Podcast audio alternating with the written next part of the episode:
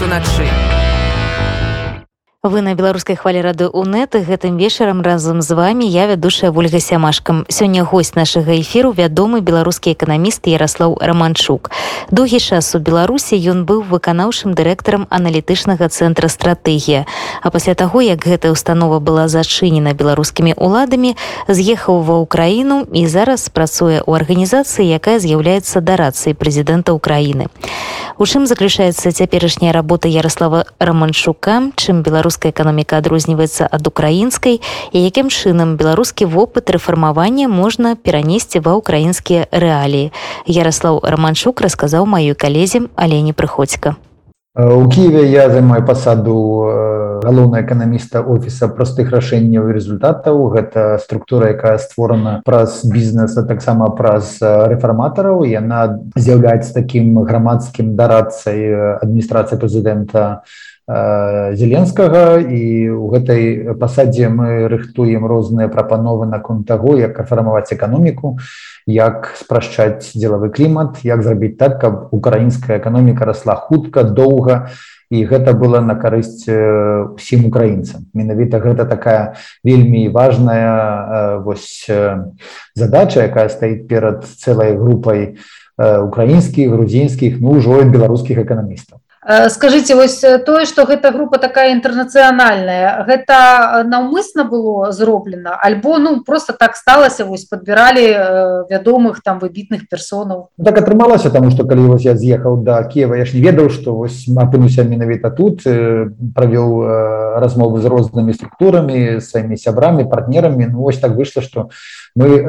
ідэалагічна з пункту гледжання нават того что кожны з раз можа рабіць падышлі адзін да аднаго вось завтра мы едем у турне 5 гарадоў каб открывать рэгіянальныя офісы таксама тлумачыць что мы робім. І э, таксама ведаеце пазнаваць рэгіёны і потым даносіць гэту інфармацыю да цэнтра да ўрада да депутатаў парламенту. І ў краіне рэальны парламент які з'яўляецца ўладай і праз які менавіта можна рабіць гэтыя самыя рэформы насколькі ваши парады будуць мець уплыў? Я разумею что вы толькі пачынаеце працаваць і такого досведу практычнага няма каб сказаць что вось та, так і так было. Але ж ну калі выказаць здагадку э, гэтая структура створана насколькі она будзе ўплывовая насколькі да вас будуць прыслухоўвацца? Ну, тут ведаеце тут асноўнае что ёсць ведаю что ёсць шацунак і павага да таго что чалавек робіць что ён прапануе як ён ставіцца да тых заданняў пытанняў таму я добра ведаю ўжо украінскую эканоміку пайшоў як не, не хутка трэба не патрэбілася там паўгады для таго каб пайсці таму што я і так маніторы высачыў за украінскай эканомікай за эканомікамі нашага рэгіёну. Вельмі падобныя праблемы беларускай украінскай эканомікі велізарна адрозненне у тым что сёння ў краіне ёсць палітычная воля. Яна ж не такая яскрава як хацелось бы але зноў вось тое что стварыў михаил саакашвілі з сябрамі тое что ў гэтым цэнтры працуюць такія пасіянарныя рэфарматары з вось людзі якія ведаюць добра что такое свабодны рынок як працуе сусветная эканоміка. Гэта безмоўна ты той актыў якімі які мы даносім да депутатаў да адміністрацыі прэзідэнта да прэм'ер-міністра. І вось гэта абаротная адваротная сувязь яна існуе. І тут зноў гэта ведаеце ну, не, не то что ты зрабіў нешта адразу тут цябе ўсё пацякло ўсё адразу праштампавалі рашэнне. Трэба даказваць трэба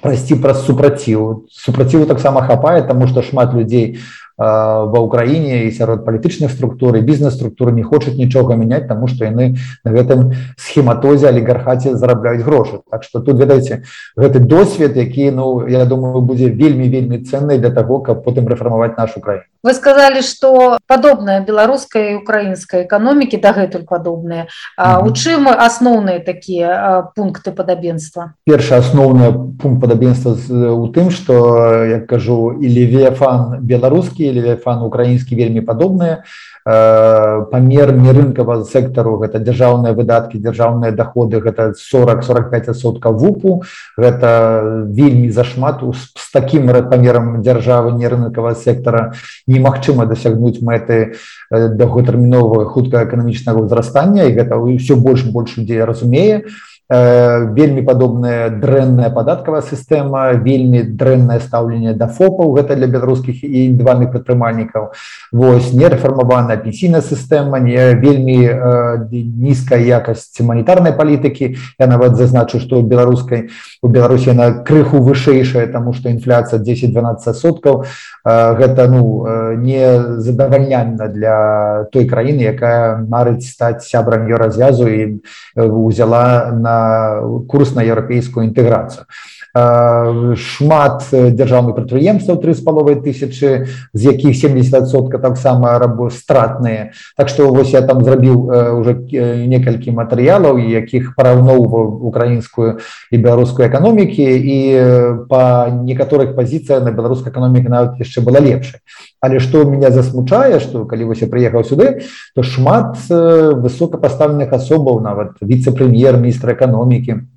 шмат людзей з нават пра ўласнай пар парты слуга народа яны вельмі сімпатыі ставяцца да беларускай эканамічнай мадэлі тому што яны ввогуле не ведаюць што гэта такое. Так что таксама трэба тлумачыць трэба пісаць трэба вось я кажу ну калі беларускія падаткаплацейшчыкі праз таталітарны рэжым лукашенко заплатілі амаль 90 мільярдаў даляраў за савковы эксперымент навошта вам гэта сама паўтараць тым больш што мы ведаем чым гэта ўсё скон скончылася Так что ведаеце тут трэба інфармацыя Ну яны слухаюць чытаюць і гэта вельмі добра тому что дагэтуль э, узровень разумення беларускай эканомікі быў вельмі вельмі дрэнны. Вось можа гэта стаўленне не да эканамічнай мадэлі а да нейкіх таких стэеатыпаў якія ёсць ну, але зноў да эканамічнай мадэлі лукашенко там добры гаспадар добрае дзяржаўнае інвеставанне дарогі добрыя калгасы добрыя дзяржаўныя прадпрыемствы працуюць значыцца трэба гэта таксама браць як прыклад таго куды мы можемм развівацца вось шмат дакументаў якія нават былі прынятыя менавіта яны вось такія пахнуць як кажуць цалком беларускім дзяржкіраваннем вельмі такія вельмі спакуса такая каб узяць гэтыя усе дзяржаўныя сродкі запуліць іх 10-12 так званых кропак узросту каб яны далі ўзрост гаспадарства гэта не навукова гэта не тэоретычна добра працуе на нейкай паперы але вось де-факто паглядзіце што адбылося ў беларусі паглядзіце што адбылося у рассіі што адбылося ў десятках краінаў з нізкім доходам якія менавіта гэту мадэль развіцця прынялі. І яны вось засталіся ў галечы засталіся я не нават не дагналі да сярэдзіны сусветнай эканомікі. Так што Украіна мае агромны патэнцыял але развівацца яна патрэбна ў іншым накірунку. І вось мы тут сябрамі менавіта гэту такую праграму сёння падваення ВВП вупу пішам. Таксама ёсць ужо праект акту о прадпрымальніцкай свабодзе Так што вось праз э, канкрэтную працу праз дэрэгуліраванне праз э, канкрэтныя рэчы мы прасоўваем э, павестку дня рынкавых рэформаў які перш за ўсё робіць краіну не номенклатурнай а народная эканоміка на які тэрмін разлічваецца гэтая праграма в якой вы кажаце якую распрацоўваеце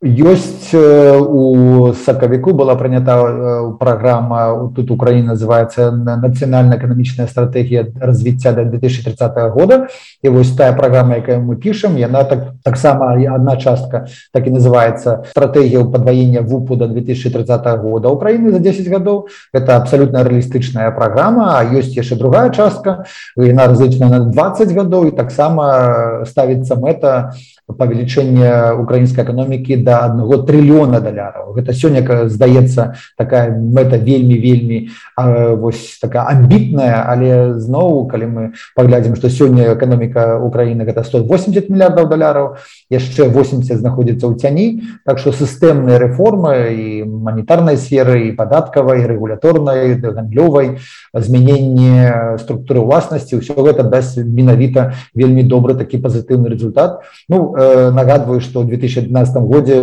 нешта падобнае прапанаваў беларускім уладам але беларускія ўлады замест э, такого канструктыўныя дыялогу яны па сутнасці толькі адпіхваюць і адбрыкваюцца тых дакументаў якія прадстаўляюць альтэрнатыўныя эканамісты якія робяць курс стратэгію развіцця не на савок не на мінулае а на будучыню А чаму адпіхваюць? Якую пагрозу несуць вашыя рэформы у вашым бачанні? Ну напрыклад для той же самай эканомікі беларусі у тым выглядзе якое яна ёсць зараз. Ну, тут на жаль про эканоміку беларусі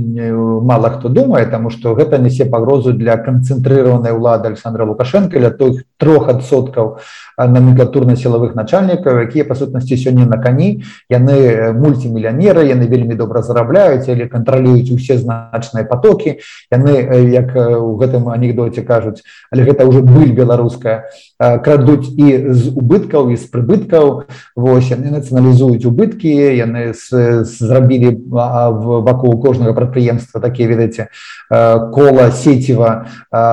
кампаній пылесосаў якія выцягваюць грошы кантралююць экспорт кантралююць імпорт і на гэтым жывуць а ніхто не мае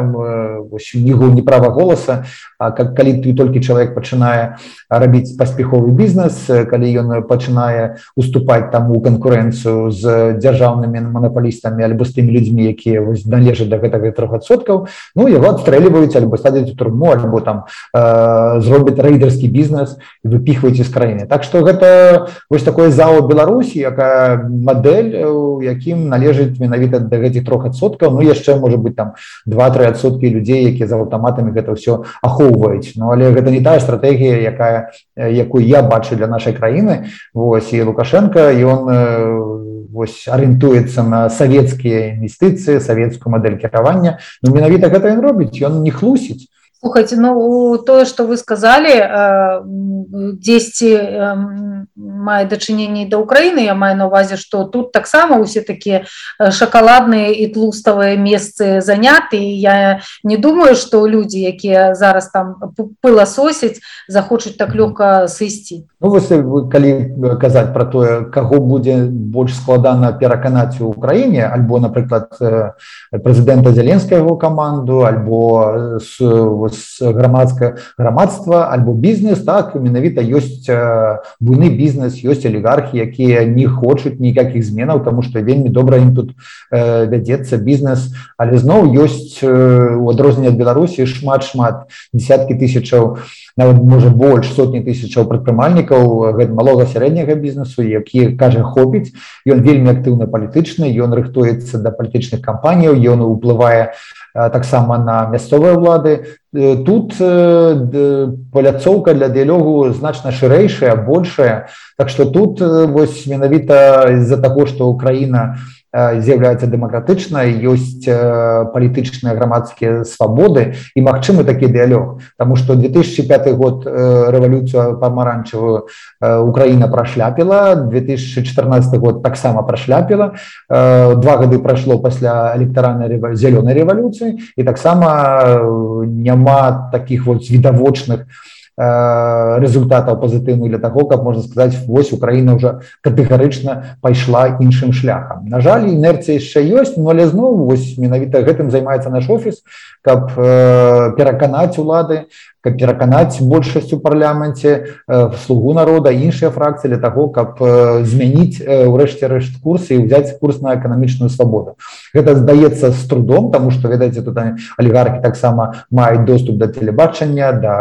газетаў яны тут шмат з чаго кантралююць але зноў ёсць тыя крыніцы праз якія інфармацыя прасочваецца. Вось таму мы ездзім таксама ў рэгіёны тлумачым вартасці менавітай якія мы баронім якія мы прасоўваем. Ну і там так крок за крокам разам вось зробім ўсё для таго каб Украіна стала паспяховай краінай. Таму што з майго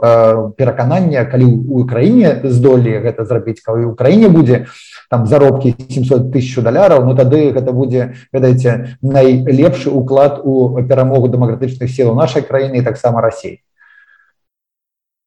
Ну, вось вы казалі што пэўныя стэеатыпы існуюць у людзей з ураду то ты тым больш яны існуюць у простых людзей калі мы не, не бярэм там сярэдні бізнес альбо прадпрымальнікаў А вось як вы лічыце ці гатовае украінскае грамадства да гэтых рэформаў тому что гэта і возьме і пэўны час і можа будзе нейкае і пагаршэнне такое відавочнае якое насельніцтва на сябе адчуе. Ці ёсць у вас пэўны план як працаваць з насельніцтвам гэта можа адукацыйныя нейкія напрамкі ці я не ведаю там абяцанні ці безумоўна ёсць я не думаю что паколькі гэта не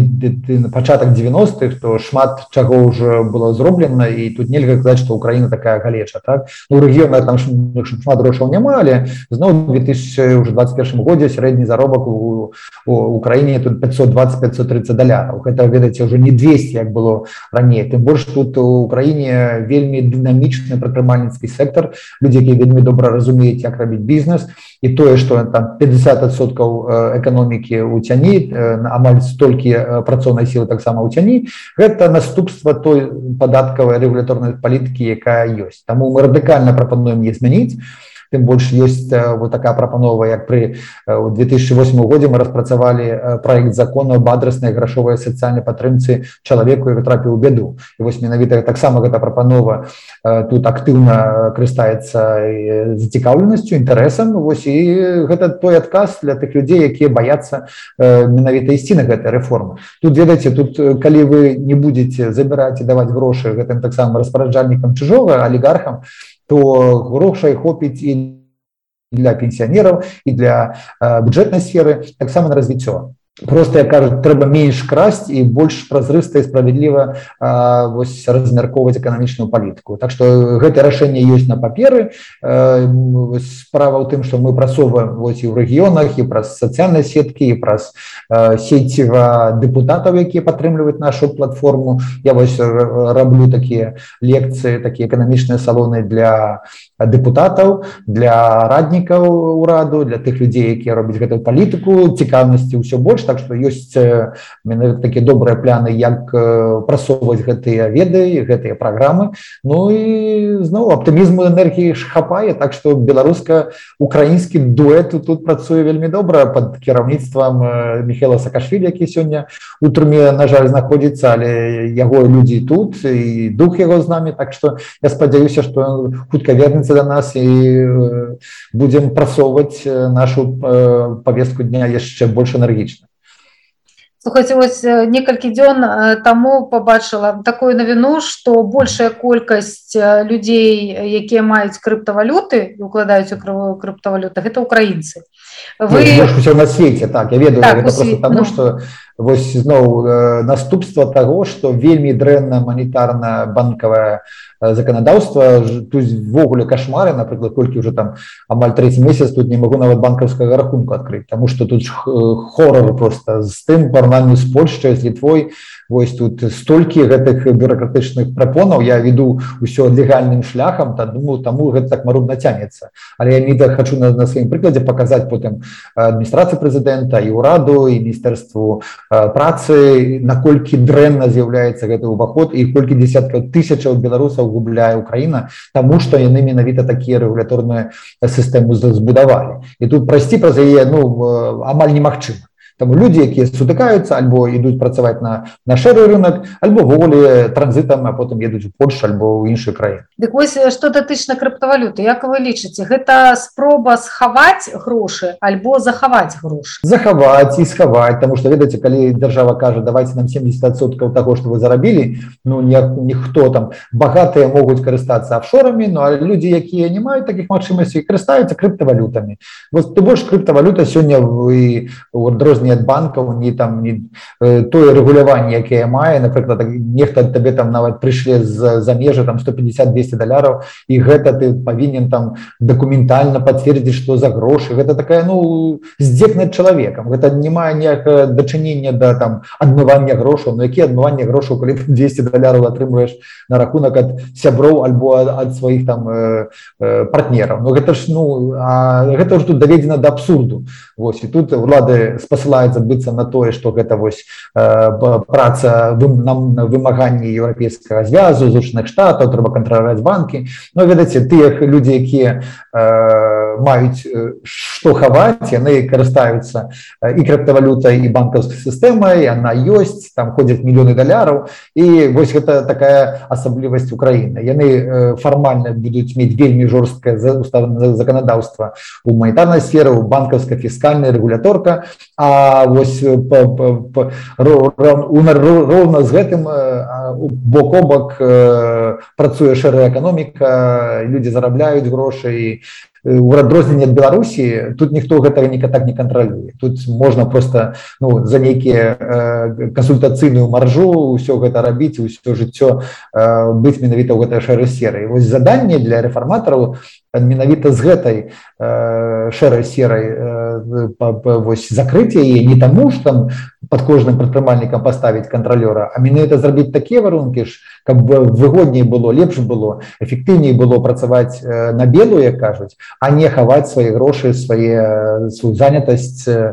свае пляны бізнес свой уцяні ў крыпце альбо недзе яшчэ. Ну вось напрыклад якія гэта могуць быць інструменты? Это таму что ну так гучыць гэта ўсё канешне вельмі прыгожа. Ну, ж... перша вельмі доб такая вось тое што мы абмяркоўваем сябрамі ў манітарнай палітыцы гэта мульцівалютнасць. Напрыклад калі Украіна можа легалізаваць 5 валют гэта і даляры евро тому что это як у беларусі там народная валюта украінцаў гэта даляры і кожны мае загашніку э, далярах і зноў может быть тут не, не такія папулярныя як у беларусі тому что у беларусі ввогуле ніколі не было нізкая інфляцыя але тут таксама даляр захоўвае пакупную вартасці таму трэба яго легалізаваць на жаль за 30 гадоў грына ніколі не была стабільнай Вось і хотя тут і курс цяпер стабільны за таго што шмат як у беларусі экспартнай выручкі Вось і тут яна здаецца што ўсё добра але зноў гэта такая тымчасовая лафа якая пройдзе ў наступным годзе. Так што альбо вось 5 валютаў легалізацыі альбо напрыклад пераход увогуле на еўра. Вот таксама адзін з варыянтаў разглядаецца. Альбо напрыклад увядзенне ду, ду дуальнай манітарнай палітыкі калі напрыклад побач з грынай ходзіць еўра альбо ходзіць даляр. то Вось тут розныя такія рэчы але зноў трэба легалізаваць усе гэтыя крыпту. І таксама плацежныя інструменты тому что людзі выбіраюць там нейкая колькасць людзей будзе карыстацца з гэтага. Ну чаму гэта павінна быць адразу нейкім там крымінальным э, праступкам за які людзі павінны альбо штрафы кары плаціць альбо ісці ў турму? Гэта абсурд. Зноў трэба рабіць так каб э, грошы былі ча тымі плацежнымі інструментамі якія дазваляюць аптымізаваць затраты на нейкія аперацыі таксама калі гэта рэформа пойдзе разам з падаткавай рэформай якая в нашым варыянце прадугледжвае увядзенне толькі трох падаткаў менавіта такую сістэму я прапанаваў беларускім ураду 2019 годзе на паседжанні вось урадавай групы по падаткавай рэформе. І тут інтарэс менавіта такога рашэння вельмі вялікі. Тут усё разлічваецца мы ацэньваем розныя там камбінацыі што рабіць. І тут две-тры групы яны таксама беларус украінскіх эканамістаў яны распрацоўваюць нейкія сваі э, напрацоўкі але мы у нас кансенсус у тым что падаткавы цяжар э, трэба радыкальна зменшыць і падатка адміністравання таксама змяншаць для того каб э, можна было э, вывесці з цяні эканоміку таксама стварыць варункі для вытворцаў. Ну і менавіта вось той яшчэ тэмы якой мы займаемся гэта э, разам з падаткавай рэформай таксама пенсійная рэформа. Вось яна стаіць на павесце дня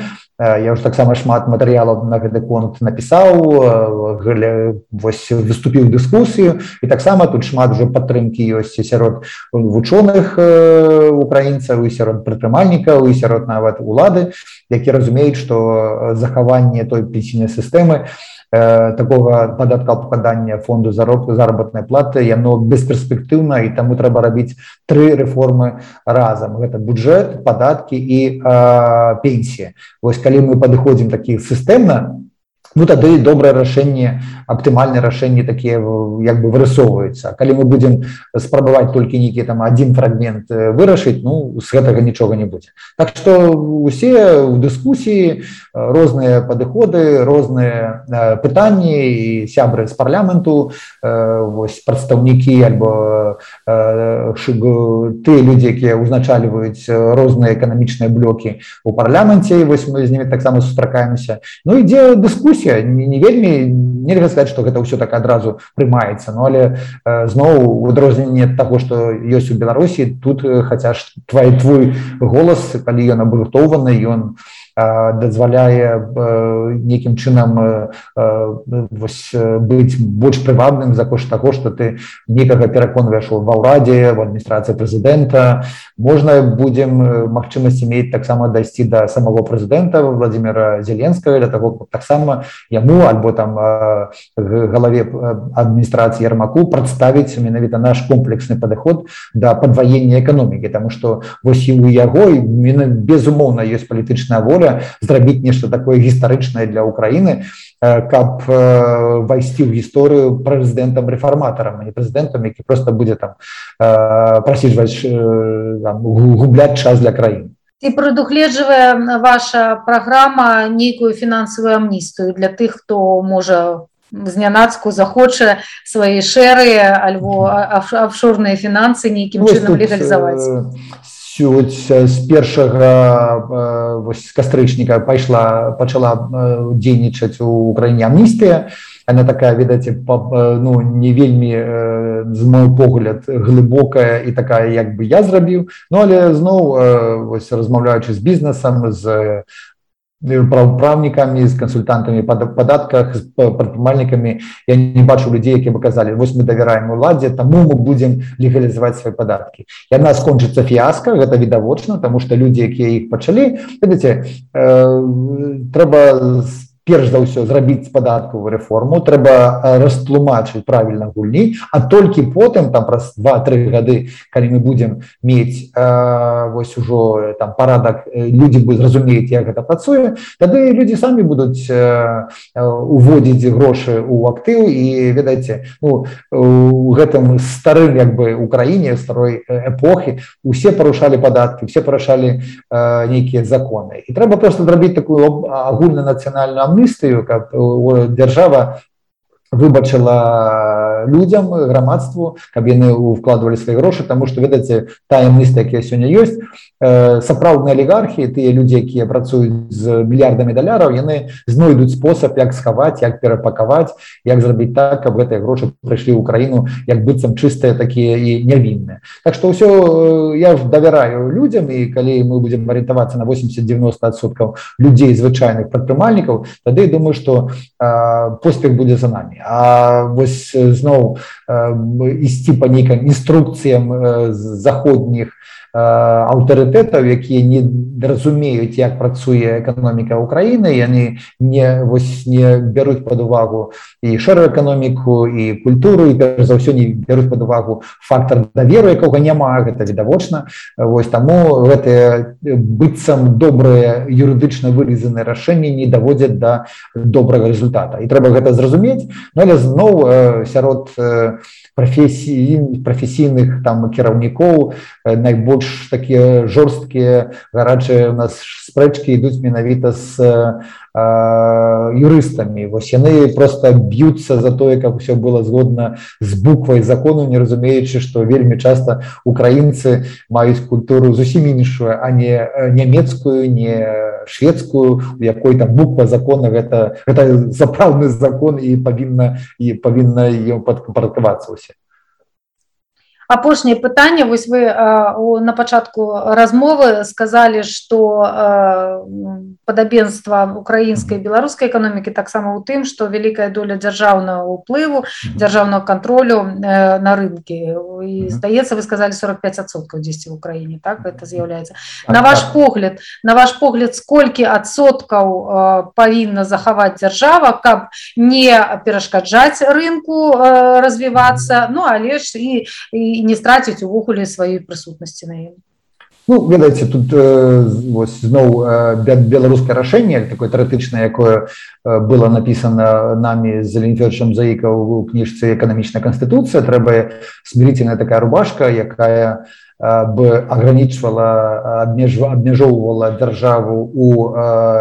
дзяржаўных выдатках яны павінны быць не больш за 25соткаў ведаце ёсць шмат даследаванняў якія даказваюць што аптымальны памер дзяржаўных раз выдаткаў для эканамічнага ўзрастання гэта до 19-20соткаў Вось ну добра мы там глядзім яшчэ на спесійныя выдаткі ёсць нейкія іншыя Ну я лічу для Беларусі гэта 28 29 адсотка вупу на першы там 3-4 гады потым гэта доля будзе змяшацца до 25 восьось менавіта у гэтых межах павінны быць дзяржаўныя выдаткі усе уключ уключаючы пенсійныя потым з пункту гледжання напрыклад дзяржаўнай маёмасці дзяржаўных прадпрыемстваў тут яны павінны складаць не больш за 10сотка ўсіх актываў і ресурсаў краіны. Ўсё астатняе павінна быць прыватная і тут на жаль зноў прыватызацыі ідзе вельмі марудна працэдуры вельмі дрэнныя тут трэба вносіць і карэктывы. Ну, але зноў інерцыя лада